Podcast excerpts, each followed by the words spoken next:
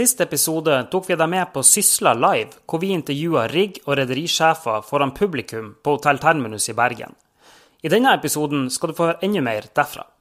Vi starta med et av de siste intervjuene som remsjef Ola Beines Fosse ga før selskapet han leda opphørte å eksistere. Nå er de første rembåtene allerede omdøpt med Solstad-navn. Det du skal få høre nå, er hvordan ledelsen i Rem opplevde de dramatiske ukene i fjor sommer som endte med at Aker og Solstad slukte Fosnavåg-rederiet.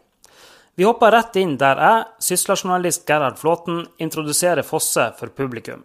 Etter hvert kommer også Shearwater-sjef Irene Våge Basili og Doff-sjef Mons Aase inn i samtalen. God fornøyelse. I dag eies eh, den norske offshoreflåten på drøyt 600 skip av flere enn 40 forskjellige rederier. Hvordan kommer det til å se ut når vi kommer ut av denne krisen? For det må vi jo forutsette at vi gjør på et eller annet tidspunkt. Den første vi skal få opp eh, på scenen eh, i denne panelsamtalen, han jobber faktisk med å gjøre lista over norske rederier kortere om dagen. Vi er veldig glad for at han har tatt seg tid til å ta en pause fra fusjonsarbeidet og være her sammen med oss. Ta godt imot Rem offshore-sjef Ola Beines Fosse. Takk. Takk for at du kom. Du kan sette deg ned her. Ja, Det var ikke dette du hadde sett for deg da du takka ja til eh, finansdirektørjobben i mai i år i Rem Offshore? Nei, det var ikke det. Men uh, livet går ikke akkurat som, alltid som du vil. Um, men må jeg si Det har jo vært mye prat rundt uh, fusjonen vår med Solstad, og det har vært uh, mye negativt rundt det. Um, det som skjedde, Vi kan jo snakke litt mer om det, men det som skjedde er jo en konsekvens av at vi har hatt obligasjoner utstående i det åpne markedet. Og vi må bare ta Er vi med på den leken, så må vi ta konsekvensene av det. Uh, og det vi gjør nå, er jo å fusjonere med et av verdens største og de mest veldrevne offshorerederiene uh, i Solstad. Så vi ser ikke på det som noen nedtur, og vi ser på det mer som en fusjon enn at vi blir slukt av Solstad. For de som ikke kjenner hele historien, kan du dra raskt gjennom hva som egentlig skjedde her? Ja. Det begynte jo Eller starten på slutten var vel egentlig at de begynte der. Så Eh, begynte med, jeg begynte her i april, og det første vi gjorde da, var å gå i gang med eh, restrukturering. Da fikk vi egentlig på plass ganske fort. Eh, så i juni så sendte vi ut en børsmelding om at vi hadde restrukturering på plass. Følte den var solid. Kutta netto rentebærende gjeld med over 20 og hadde skaffet oss en uh, som det så populært kalt, uh, runway på tre og et halvt år, altså ut 2019. Uh, eh, og vi fikk faktisk en av bankene med til å ta et haircut på gjelda vår òg, så vi var veldig fornøyd med det. Og feira det på kontoret med kake og sendte vår tidligere administrerende direktør Arild Myhrvold Han dro til Karibien på ferie, og vi ante fred og ingen fare. Uh, vi visste jo at vi ikke hadde full support fra obligasjonseierne enda. Vi hadde snakka med de største obligasjonseierne. De har vært med å utforme forslaget. Så vi, var, så vi, hadde support fra en veldig stor del. Men i det ene obligasjonen så var det 150 aktører cirka, så det var umulig å rekke over alle. Uh, men vi trodde jo at dette skulle gå ganske greit. Eh, men dagen etter vi lanserte, så vi, eh, så vi at det ble gjort store eh, handler i obligasjonene våre. og vi regna oss jo fort fram til at hvis det er samme aktør som kjøpte de obligasjonene, så eier de en tredel av obligasjonene. Dvs. Si at de da kan stemme ned ethvert restruktureringsforslag. Så vi fant jo ut dagen etterpå at det her var Aker. Så det vi gjorde da, vi inviterte den i Åge Remøy, som er hovedeier av Rem inviterte dem til oss uh, og spurte hva i all verden er dere holder på med. Uh, og da lanserte de sine planer om at de ønska at vi skulle fusjonere med Solstad. Og som du sier, det var ikke, det var ikke vår plan. Uh, så vi sendte dem jo egentlig på døren og sa at det her ønsker ikke vi å være med på. Og følte også at informasjonen rundt hvordan fusjonen skulle skje og hvilke vilkår vi skulle gå inn på, ikke var tydelig nok. Og det var styret vårt også tydelig på. Og sa at ikke, vi har ikke nok informasjon, vi kan ikke takke ja til noe vi ikke vet hva er egentlig.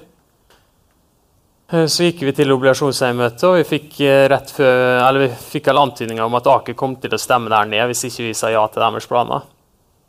Og Vi kom til obligasjonseiermøtet, og de stemte ned. Og Da gikk, ble det mer intense forhandlinger med eh, Aker de neste to-tre ukene. Jeg var i sommerferien, så i slutten av juli så signerte vi en avtale med dem. Og ja, 20 år med Rem var da historie. Det som er viktig å få fram her, er at eh, styret vårt opptrådte veldig profesjonelt. For det er når du er i en sånn situasjon at uh, egenkapitalen er tapt, og uh, du har en løpebane fram til kanskje andre kvartal 2017 hvis du ikke har restrukturering på plass, så skal styret ta hensyn til kreditorene i selskapet. Og styret tenkte også ok, vi hvis vi ikke fusjonerer med Solstad, så får vi ikke stemt gjennom restruktureringsforslaget. Da har vi ikke en løsning. Det vil være verre for alle kreditorene vi har forhandla med. Så vi har ikke noe annet valg enn å takke ja. Eh, så det skal de ha all eh, skryt for, at de opptretter så profesjonelt i en så vanskelig fase. Så det er vel eh, korte historier av det. Hovedeier i selskapet var jo har uttalt flere ganger at han var ganske lite fornøyd med dette. Han har kalt det et bakholdsangrep. Mm. hvordan ser du på det? Nei, Jeg ser jo at uh, det, det, er en fremgangsmåte som vi ikke er vant med i Norge. Uh, og det er en aggressiv fremgangsmåte, måten Aker gjorde det på. Men som vi sa, det uh, er du børsnotert selskap, har du obligasjoner ute i det åpne markedet, du vet hvordan det fungerer, og du vet risikoen med det, og du må ta konsekvensene av det. og vi har i dag så har vi et veldig godt forhold både til Solstad og Aker. Eh, jeg kan ikke svare for Åge sin del, men vi har i hvert fall det. Mm. Hva fra ditt ståsted har vært eh, mest krevende med den prosessen her? Eh, det mest utfordrende hvis du ser bort fra forhandlingene, er jo å få med seg de ansatte og motivere dem til å gå fra være Eh, jobbe i et selskap som er selvstendig, der det er veldig korte rapporteringslinjer, og du har en eier som er sterkt tilstedeværende, til å gå til et selskap der du har eh, for en ny overordna lengre rapporteringslinjer. Eh, det er utfordrende. De ansatte har selvfølgelig over tid eh, utvikla en rem-kultur som har en veldig tilhørighet til. Og Eh, det er klart det er vanskelig å da vite at det forsvinner. Så det, det går fortsatt eh, mye av arbeidsdagene med på er å motivere de ansatte til å innse at nå skal vi inn i et selskap. Og det beste vi gjør for våre arbeidsplasser for å sikre videre aktivitet i Fosnavåg, er å fortsette å levere. Og eh, jeg tror enhver rasjonell eier ser at så lenge vi leverer bra, så vil aktivitet eh, være igjen i Fosnavåg. Du har sittet og jobba på et uh, rom ved siden av her men sier at uh, konferanse. For det er nok å gjøre når man skal inn i en fusjon. har forstått. Du sendte nettopp ut ei børsmelding. Hva var det for noe? jo, vi um, fikk jo ei bot uh, av børsen fordi de mente vi brøt likebehandlingsprinsippet som vi skal følge. Um, og vi er helt enige at vi, og det går jo på at vi har forskjellsbehandla aksjonærene. Og Vi er ikke uenige i at vi har eh, avviket fra likebehandlingsprinsippet, men vi mener at det er helt nødvendig for å få på plass en løsning. Hovedlinjen i dette var at uh, styret i Oslo Børs mente at uh, hovedaksjonær Åge Remi kom for godt ut av avtalen, egentlig. Ja, det var det. Og det, vi har jo uh, også annonsert at vi kom til å klage på det. Uh, og Grunnen til det er at uh, når du er restrukturering, så trenger du først og fremst å få på plass kommittert kapital veldig tidlig. Uh, og Åge måtte tidlig kommittere seg for 150 millioner. og den kapitalen var ikke tilgjengelig andre plasser. I hvert fall ikke så tidlig restrukturering når du ikke vet hva utfallet blir av det. Uh, og Åge som alle andre krever mest mulig valuta for pengene sine. Så han sa at de skal ha majoriteten av selskapet. De skal ha 50,1% for de 150 millionene. Så det var egentlig forutsetninga for å få inn den nye kap kapitalen som vi var helt avhengig av. I tillegg så ønsker vi å gjøre noe med kapitalstrukturen. Det er altfor mye gjeld i uh, REM og generelt egentlig sektoren her. Så vi ønska å prøve å kvitte oss med mest mulig gjeld. Så derfor gikk, inngikk vi en avtale med obligasjonseierne om at de Eh, bytta 500 millioner i gjeld til 40% av selskapet. I tillegg så hadde vi et uh, nybygg uh, fra Vard, som vi verken hadde kontrakt på eller finansiering. Og eh, som vi ønska å kansellere. Vi måtte kansellere det. Da fikk vi krav på 200 millioner fra rederiet. Og i bytte mot de 200 millionene så fikk Vard 4% og Da har du igjen 6% av selskapet som ikke er fordelt, og det går da til minoritetene. Mm. Og De eide jo før restruktureringa 20% og vi kunne ikke gjøre en stor nok reparasjonsemisjon, sånn at de fikk, fikk, tilbake den prosenten de egentlig hadde fra før. Men det var, så vi er av den klare oppfatninga at dette var helt nødvendig for å få til en restrukturering. Og hvis dette blir standarden fra Oslo Børs framover, så blir det mange bøter framover. Ja, de sa jo det at med dette ønsker de å sende et uh, signal til de som er i sånne prosesser nå, om ja. at uh, man skal pare seg vel. Jeg mener, jeg skal, ikke, jeg skal, være forsiktig med hva jeg skal si der, men jeg mener alle at det er mer det de sier, mer teoretisk fundamentert enn realitetsorientert. Da. Så han, må, han må bare se at egenkapitalen i den selskapene her, og spesielt for Remna, var tapt. Og da går det utover aksjonærene, naturlig nok. Hvor står denne fusjonen i dag? Hvor langt unna er dere å komme i mål? Uh, nei, Vi er ikke veldig langt uh, unna. Uh, nå, I tillegg så, til den børsbota så begynte jo Norsk tillitsmann, eller Nordic Trustee, som uh, tar, seg av, eller tar det obligasjonseierne sin sak, påpekte at ikke all informasjon i innkallinga til obligasjonseiermøtet var godt nok dokumentert eller godt nok forklart. Så de ønska å ta en runde med obligasjonseierne bare for å høre at det er OK. så vi måtte jo sende ut melding på det før, nå før helga. Uh, der er vel de fleste obligasjonseierne av den oppfatning at det er helt OK. Så vi ser jo mer på det her som en formalitet, men det gjør at ting blir utsatt ja, kanskje ei uke eller to til. da. Så tidligst er vel ja, mot midten av desember tipper jeg at fusjonen er endelig på plass. da. Er dette ting som er så alvorlig at det kan, kan velte noe? Det kunne jo gjort det hvis det hadde vært mange obligasjonseiere som reagerte på at den informasjonen ikke var godt nok annonsert. Men uh, nå har vi fått tilbakemeldinger om at det her er, er de kjent med og er OK med. Men i verste fall selvfølgelig så kunne det ødelagt det. Men uh, jeg er 99 sikker på at de ikke gjør det. Før vi får de andre opp uh, på scenen, så må jeg spørre deg. Du kom jo til Rem Offshore fra DNB Markets, der du har sittet som analytiker. Hvordan var det å komme fra utsida, der du på en måte er mer observatør av det som skjer, til å stå midt i manesjen? Jo, det er jo eh, klart det er forandring, og du innser jo da Jeg har jo sittet og analysert både REM og Doff òg, eh, og du innser jo da når du begynner i selskapet hvor lite du egentlig vet som analytiker. Eh, så det er klart det er en stor overgang, men utrolig lærerikt og interessant. Og jeg hadde nok gjort det samme. Jeg hadde svart ja, det visste jeg vet i dag da jeg takka ja til stillinga. Men det er klart uh, målet var også å få mer balanse i hverdagen. Uh, ta vare på dem hjemme, men Hvordan gikk det? Nei, Det har ikke gått veldig bra.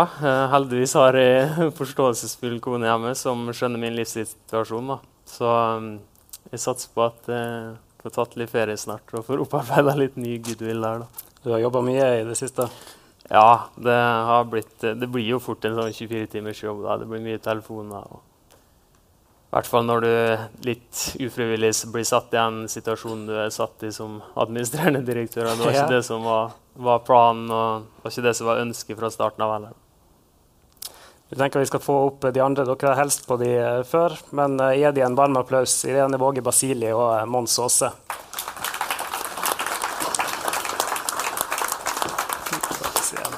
Vil du ha oss Ja, du kan gjerne sitte her. Skal vi ha Mons Aase ute på flanken?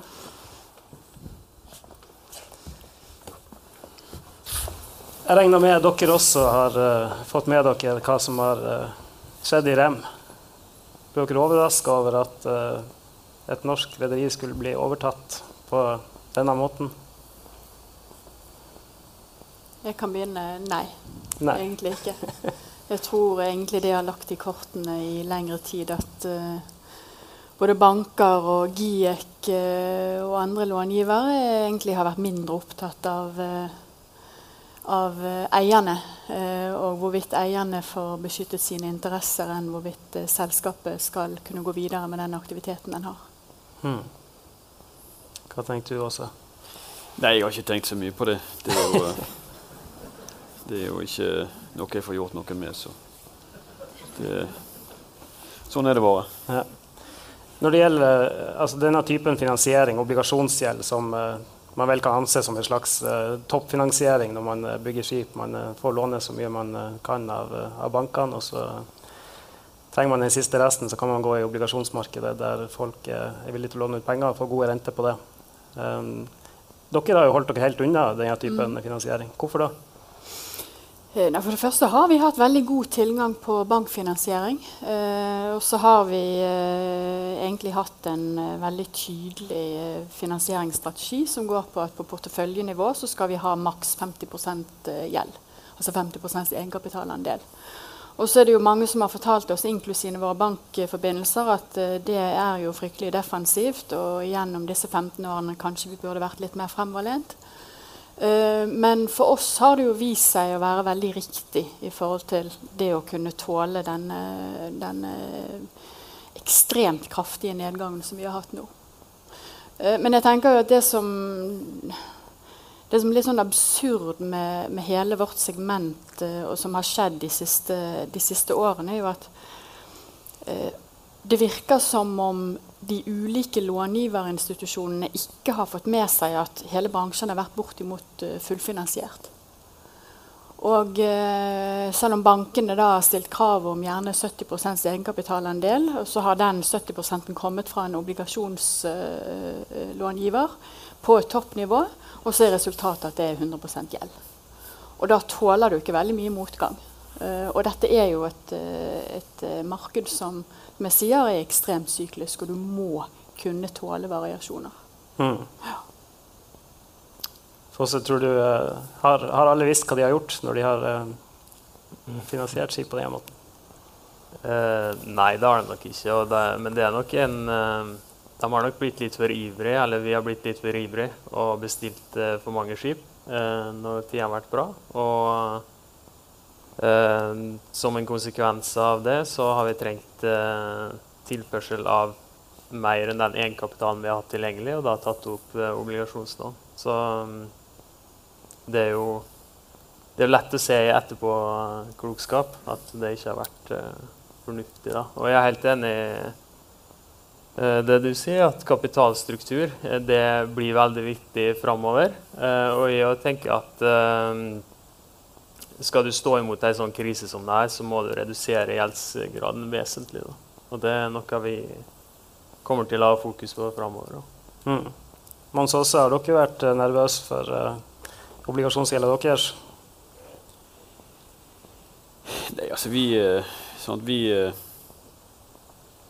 vi har jo Så lenge jeg har vært i Doff, sånn, så har vi alltid kjørt rimelig hardt. Og, sånn, så vi, vi vi har jo eh, vi, vi, var jo Vi har jo vært sånn, Vi har jo bygget eh, sånn, Vi har jo bygget eh, sikkert båter for 40 milliarder de siste seks, syv, åtte årene. Sant? Og det er klart at du, du Det er jo Det er jo noe man er bevisst på, sant? men det er jo, det er jo så det er klart at i ettertid sant, så, jo, det, så skulle ikke man eie en båt nå. Sant? Da skulle alle pengene i banken. og, eh, så det er klart det er lett å sitte her og si eh, at uh, vi skulle gjort sånn og sånn, men det, det hjelper jo ikke. det. Men klart, det, hele, det er jo ikke, du kan jo si at uh, det har jo vært enkelt. sant? Altså en, en uh, si, Enhver tulling har jo kunnet sant, reise opp til Møre, bestille en båt og ta et fly inn til Oslo og få et lån og ta en trikken videre til noe båndlån. Altså, hvem som altså kunne gjort det? Sånn, så, så, så, det er jo det som har vært eh, problemet. Sant? Og, så det er jo, men det er jo klart det er jo ingen eh, sant, som, sitter, som satt i 2012 eller 2013 sant, og, og, trodde at markedet skulle tørke inn eh, sånn som det gjorde. Men eh, jeg håper jo det er jo ikke bare, jeg håper jo alle lærer av det. Sant? Bankene må lære av det. Alle må lære av det. Sant? At, at uh, det må jo være en uh, en annen kapitalstruktur og en annen eh, industriell tilnærming til, eh, til, det vi holder på med. Sant? Så ja, Hvordan vil det her se ut framover? Nå har jo Obligasjonsmarkedet har jo vært fullstendig stengt for offshore-rederier i et par år. Kommer vi til å se den typen finansiering av skip igjen? Antageligvis. Vi er jo en bransje med kort hukommelse. Uh, og jeg er enig med hva Mons sier, at det er jo kanskje kanskje vel så mye på, altså, først og fremst kanskje på långiversiden. Altså, det, vil, det være, alltid være risikovilje uh, i, uh, i, industrien, og at långiversiden kanskje ikke i tilstrekkelig grad har tatt inn over seg den formidable gjeldsgraden i det man har gått inn og finansiert. Eh, så ehm, Men eh, ja, det kommer sikkert tilbake. Og du ser det jo også nå, Som jeg sa, jeg kommer fra konvensjonell shipping.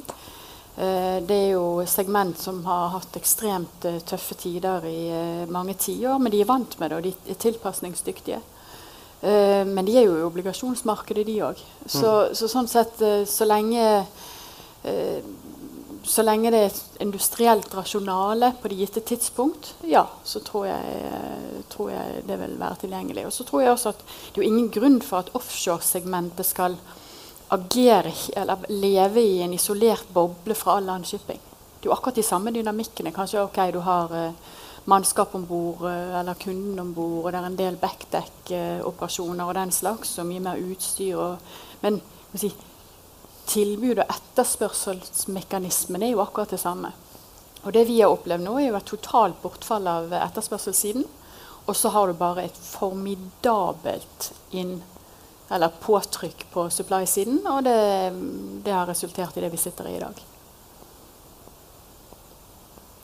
La oss uh, snakke litt om uh, en del av temaet, fra opplag til uh, oppdrag. Hvordan, hvordan tenker dere med tanke på på eh, å legge båter i opplag? Hva slags vurderinger er det som, eh, som gjøres? Jeg spør litt fordi jeg vet at uh, dere muligens har en, en litt striktere måte å vurdere dette på enn mange andre har. Ja, vi, når vi bygde restruktureringa vår, så prøvde vi å bygge, bygge, et mest mulig negativt case. Som gjorde at vi kunne tegne en lengst mulig løpebane. og det vi gjorde, at vi så fort vi fikk et, et skip ikke har kontrakt, så la vi det opplag. Eh, opplagskostnaden eh, ja, mellom 5000 til 10 000. Eh, og så lenge vi ser at raten vi kan få i spotmarkedet, er 8 til, eller 5 10 000 under opplagskostnaden, så er det, da er det no-brainer for oss hva vi skal gjøre. Da. Og det er vi mm. også litt forplikta til å gjøre for å opprettholde det vi har lovt til bankene. Så vi er veldig strikte på det her. og vi, det er sjelden, vi, tar, vi tar ikke kontrakt som ikke er over operasjonskostnadene, som det er nå. Det er, det er jo noen som tenker annerledes på det. Jeg tror det var hun, eh, Anne Jorunn Møgster, er ikke det hun heter, i, eh, i Simon Møgster som innførte begrepet eh, sysselsettingskontrakt, der de eh, gikk med tap for å holde båten i drift og holde mannskapet i sving. for å beholde kjernekompetansen og la være å måtte permittere eller si opp folk. Da. Har noen av dere tenkt sånn? Ja, det blir, en, det blir, jo en, kombinasjon. Altså, det koster penger å ligge alongside òg. Så vurderingen blir jo ofte, hvis du kan ta en kontrakt som kan sysselsette uh, dine medarbeidere, og hvor du taper mindre enn du ville tapt om du hadde lagt det til kai, så tar du den kontrakten. Mm. Hva med gjøre.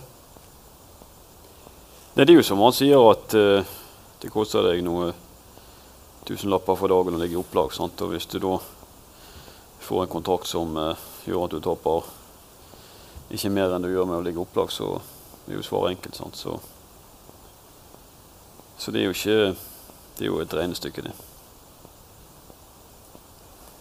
Med tanke på eh, konsolideringer som vi har snakka om eh, litt tidligere her, jeg vil jeg spinne litt videre på det jeg snakka med deg om eh, da du tok til orde for at dere, Solstad og muligens Farstad, kunne bli et godt lokomotiv. Og Lars Peder Solstad svarte at dere ikke hadde blitt enige om navnet engang. Er det for mange sterke eiere i offshorerederiene til at man klarer å få til fornuftige løsninger? Det var, jo, sant, det var jo for mange sterke eiere i offshorenæringen sant, som Sånt som, sånt så, så, det var jo ikke noe På det tidspunktet så var det ikke noe frivillig det var ingen som ville være med på noe sånt frivillig. Sant? Jeg syns Fosnavågen er jo et godt eksempel på det. Sant? De, der er jo fire-fem rederier, og ingen har jo nødvendigvis hatt en størrelse som har vært effektiv. Sant? Men det er jo det er sånn det er. sant? Og, så i dag er jo, er jo, det bildet helt annerledes. Det er klart I dag er jo det reduseres jo antall sterke eiere i, i offshorenæringen eh, for hver dag. sant? Så, så, i, så langt i restruktureringen så er jo, det, er jo det bankene og långiverne som for så vidt har, eh, tar om hva som skal skje. Mm. Så det er klart at sånn, det, det, nytter jo Det blir jo ikke noe hjelp av oss sammen med partrederier. Du sa jo her sjøl at det var kanskje 40 aktører sant, eh, eide båter i Norge. Og Da nytter det ikke om du reduserer fra 40 til 30, sant, så eh, fortsatt eh, har du problemer med det. Så, så, eh, men det er jo litt avhengig av hvilket segment det er. Sant, så det er jo ikke Så det, der er jo, det kan jo ordnes på mange måter, det, men jeg tror jo ikke at vi berge dette markedet her med å gjøre noe for å få fusjoner. og Sånt. Jeg tror jo at det er etterspørselssiden som må berge det. Mm. Ja. Jeg syns det er altfor mye fokus på som om konsolidering skal eh, måte, redde dette segmentet. Ja. Eh, du kan verken kostnadskutte deg ut av det eller eh, konsolidere deg ut av det. Men jeg vil jo tro at det bankene Hadde jeg vært bank, og det er sikkert noen bankrepresentanter her ute, men eh, fremfor å gå inn i å ta haircuts med de 40 rederne rundt omkring, så ser de nok en eh, strategisk verdi å prøve å samle det på færre, sterkere hender. Og så får du ikke den effekten du trenger før du begynner å sanere gjeld. Men eh, å begynne å sanere gjeld hvis det er altfor mange eh, si, svake aktører som ikke er i stand til å komme med ny egenkapital, så det, det, tenker jeg en ansvarlig bank ikke vil gjøre. Mm. Så jeg tror jo det som skjer nå på konsolideringssiden, er et første steg. Og, og at neste, neste, steg Jeg vil tro at det har vært Aker Solutions, hadde jeg sittet og De har sikkert en plan allerede, vil jeg tro. Hva tror du den er? Jeg tror den er å gå i dialog med bankene når de har fått alt på plass, og kanskje få inn en aktør til. Og så har man et trøkk i forhold til å få sanert gjeld. Hmm. Men det er min påstand. Ja, for vi har jo ikke sett at uh, bankene har uh, De har ikke tatt noen tap enda. Tror du, det, tror du de må det? Uh, ja, du ser det jo. Dem, mest sannsynlig så gjør de jo det i Havila og Farstad. De har lagt opp til det. Det alle andre rederi nå etterpå som, der det kan være naturlig å diskutere det for bankene for å få dem rett og slett til å overleve. Eh, men det jeg er litt opptatt av, er at som analytiker så Ja, jeg var mye negativ til eh, selskap, og inkludert også Doff en periode. Men jeg har alltid sagt at Doff er sammen med også Farstad og Solstad eh, de selskapene som kommer til å overleve der. For det er de store selskapene. Og det er også bankenes oppfatning at det er selskap vi skal satse på. Og det jeg er litt redd for da, er at fordi vi har vært tidlig ute i restruktureringa, eh, så har vi fått en dårligere deal enn det du ser f.eks. i Havila. Eh, og det du, Nå vet jeg ikke hva som skjer i Olympic eh, og Island, men det er mulig at de kanskje får en bedre deal enn oss. Og da får du en forskyvning i maktbalansen fra å være Doff, Barstad Solstad, som er de ledende aktørene, og sitter og kontrollerer litt bransjen. Så er det plutselig Havila og en del andre mindre selskap som sitter føre, fordi de får en lavere eh, break-even-kost. Det, det, er jeg litt bekymra for. Så det vil altså si at, uh, at, de som kommer sist her og sliter mest, kan få den uh, beste dealen fra bankene, og dermed mulighet til å komme best ut i det dårlige markedet som? Eh, det kan se sånn ut. Nå sier jeg ikke at det blir sånn, men det kan jo se sånn ut. Og, ja. Jeg vet ikke hva som blir utfallet av det. Men uh, vi er i hvert fall litt bekymra for det. Og jeg syns ikke det bør være sånn at fordi vi var tidlig ute, vi så at OK, vi må stoppe det her nå. Vi må stoppe cash outflow. Derfor går vi tidlig i restrukturering. Og da bør det ikke være sånn at vi da til syvende og sist skal være dem som stiller dårligst når alt er restrukturert. Du var jo også inne på dette i stad. Det er klart at bankene må jo gjøre det som de mener er best for seg. sant? Og, og eh, så de, de, de, de, tar jo et valg. sant? De alle passer jo på seg sjøl. De gjør jo det de mener er best for å få minst mulig tap. sant? Og jeg tror jo det at uh, Hvis du setter deg ned og, og regner på, sånn, på, på inntjeningen til de ulike selskapene i denne bransjen her de neste i 2017. Og, sånt, og ser på hva de skal betale i, i renter. Sånt, og hvis du tar hva jeg hadde, hadde de BTA i tredje kvartal og ganger det med fire og trekker fra litt, sånt, så, så er det klart at uh, Jeg tror ikke man uh, det, tror man uh, kan fort få nye runder med, med restruktureringer. Sånn, så jeg tror at bankene tenker at de har en runde nå, og så tar de vare på sånn, den cashflowen som ligger i kontraktene. Og så eh, når den begynner å gå mot slutt, så eh, blir det en ny runde. Sånn. Så jeg tror, jeg tror, jo dette her eh, Det er ikke sånn at fordi om man har fått unna litt restruktureringer nå, at det at spillet er lagt der. Det er sant, altså Der kommer flere runder. Så hvis dette markedet ikke snur, så kommer det nye runder eh, rundt omkring eh, i både 18 og 19 og 20. Så jeg forstår jo bankene at de, de har de en, et selskap som har noen båter på kontrakt. Sant? Så hvis de da ødelegger det, så uh, mister jo de cashloan fra de kontraktene. Så jeg forstår jo det. men Så vi kan jo sitte her og uh, sutre over uh, at vi ikke fikk eh, 100 avdragsutsettelse, og at ikke vi fikk Hirkut på banklån. Men eh, hvis vi hadde fått det, så hadde vi vært eh, mye mye mer ute å kjøre enn vi er. Da, så, så, det er jo ikke noe trakter til det heller. Så tror jeg òg at eh, det kommer jo, Hvis hverdagen kommer igjen sant, og markedet snur, sant, så er jo ikke det sånn at bankene vil stå i kø og finansiere folk som eh, nødvendigvis har på, på, påført de enorme tap eh, i nedturene. Så, så, hvis vi tenker at vi skal leve en stund, eh, så eh, tror jeg det er om å gjøre å oppføre seg best mulig og unngå og nødvendigvis å få på, la oss si, anførselstegn i beste deal nå med mest mulig tap for uh, banker osv. For da, da kan jo hende at uh, du ikke har funding uh, når tingene snur heller. Iallfall vil ikke jeg, hvis jeg var bank og har tapt eh, noen hundre millioner på et selskap, så ville jeg betenkt meg før jeg lånte penger til det igjen. Så det er jo liksom sånn du har et bilde nå, men du har et bilde om ett år, to år, tre år, fire år. Så jeg tror at eh, tror ikke han skal være lei seg for at han ikke er den som har påført, påført i de største tapene. Hvordan er det nå når dere er ute og kjemper om uh, oppdrag? Jeg ville spørre deg i stad, men vi kom ikke så langt. Tida sprang ifra oss. Når dere byr inn på kontrakter nå, er, dette kontrakter der dere tjener penger, eller uh, går det i null? Hvor mye må dere Jeg Skal jeg svare Sharewater eller Geseriba? Eller begge?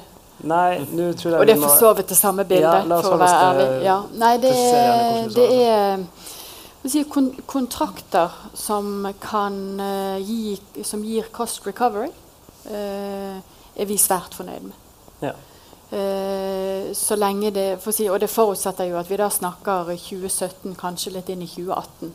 Vi er jo ikke der hvor vi ønsker å binde oss opp på den type nivå utover si, første halvdel 2018. Mm. på seismikksiden hvor det er mye mer si, prosjektbasert, så er det også egentlig uh, Og der er jo vår uh, antakelse med at i Sharewater så har vi den laveste eh, eh, cashkost, og at vi således kan by mest konkurransedyktig på de få kontraktene som er der.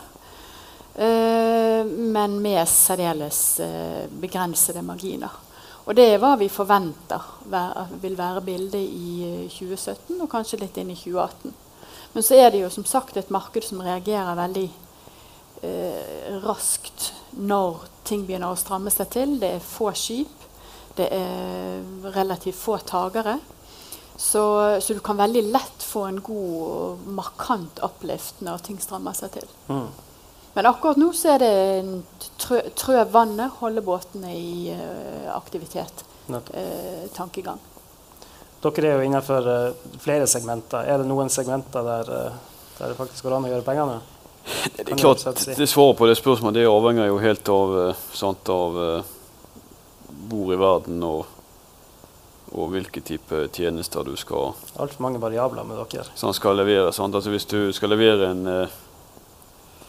PSV til et oljeselskap i Aberdeen, så er jo det så er jo det, dekker du operasjonskostnadene. Sant, så Det betyr at du har ingenting til å betale rente eller avdrag med. Så kanskje du ikke dekker fulle operasjonskostnader engang. Eh, går du med en ankerhåndteringsbåt i spotmarkedet i dag, og jeg tipper det blir sånn gjennom vinteren, sant, så eh,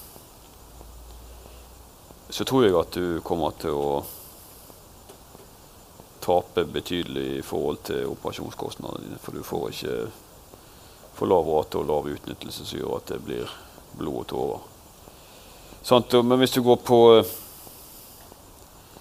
Så går vi ut av Brasil, sant? hvor vi holder på å forhandle noe fornyelse av noen båter. Sant? Så, så er det et helt annet bilde. Sant? For der, der har jo du så der vil jo du eh,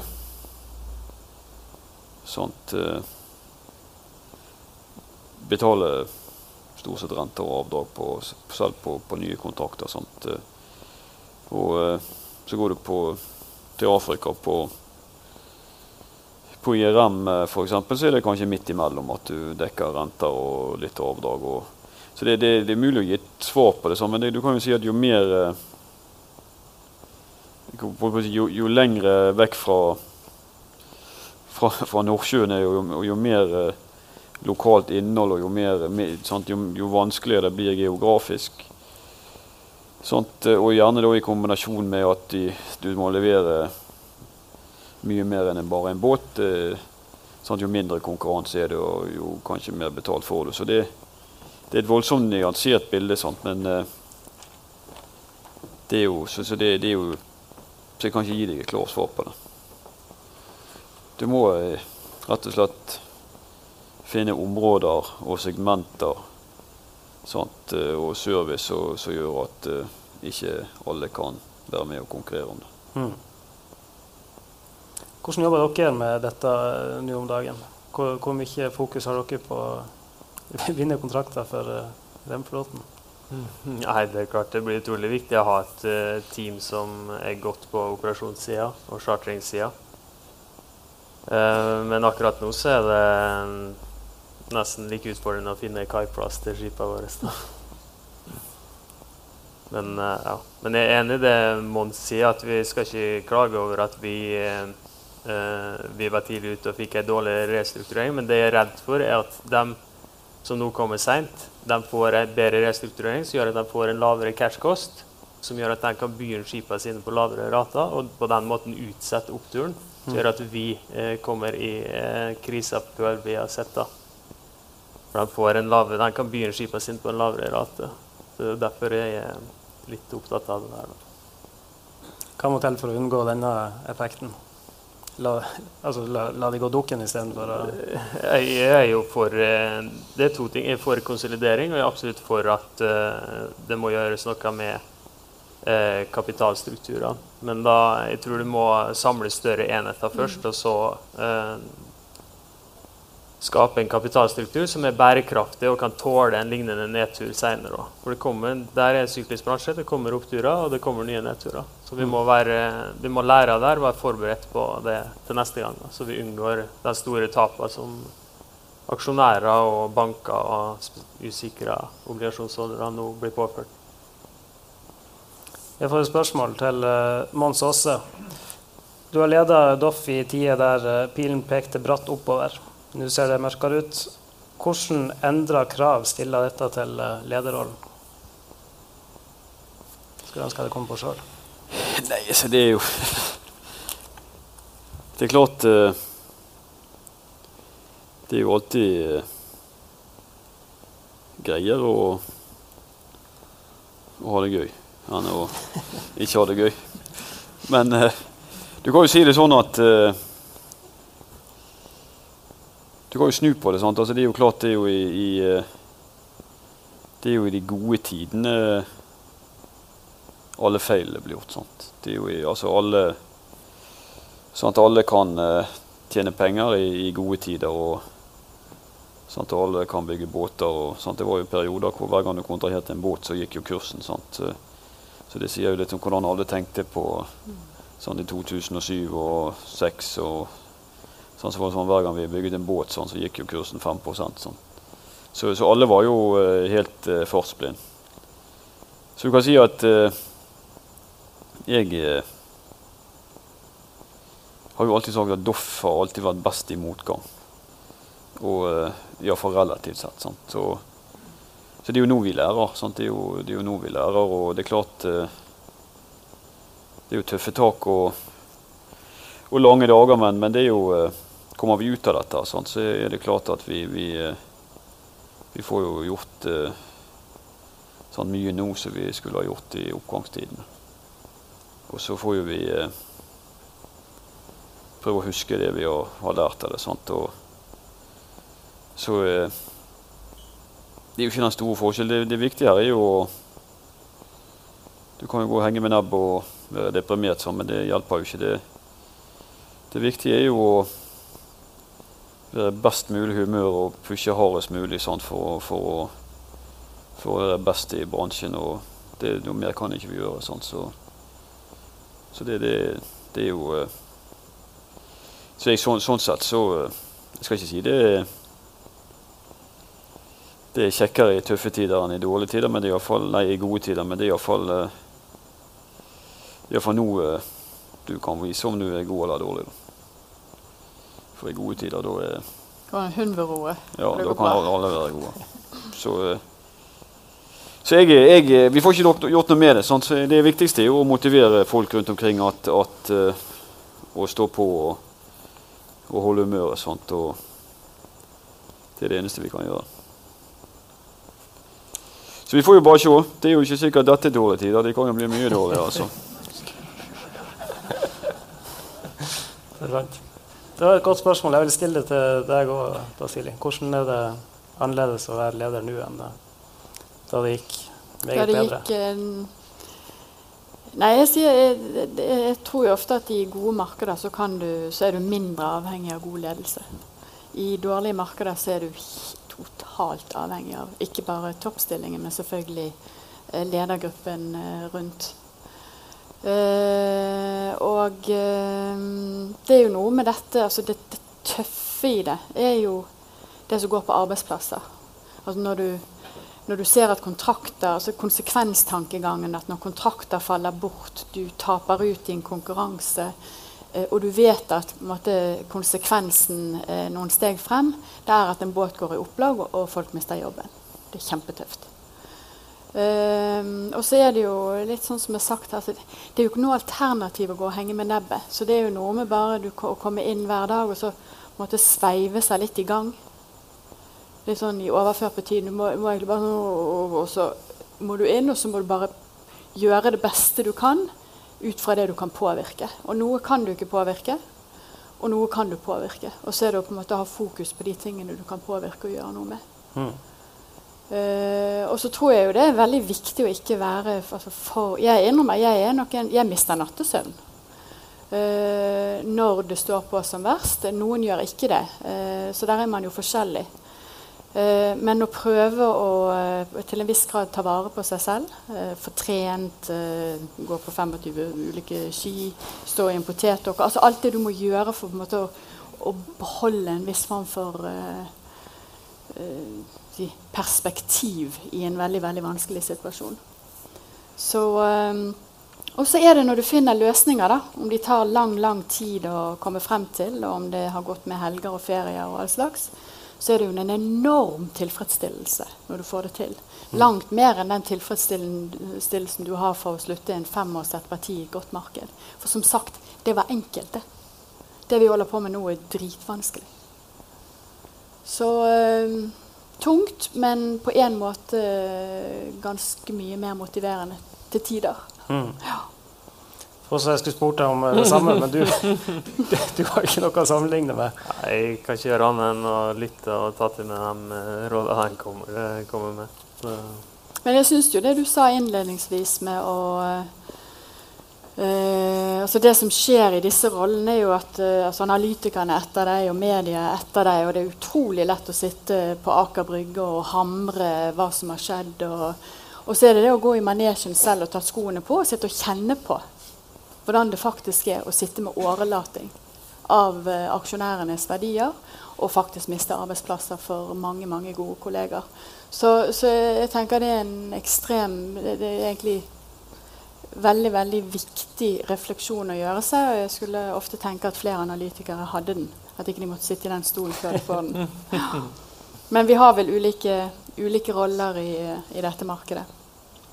Den episoden av Sysla Shipping som du hørte nå, er faktisk en milepæl.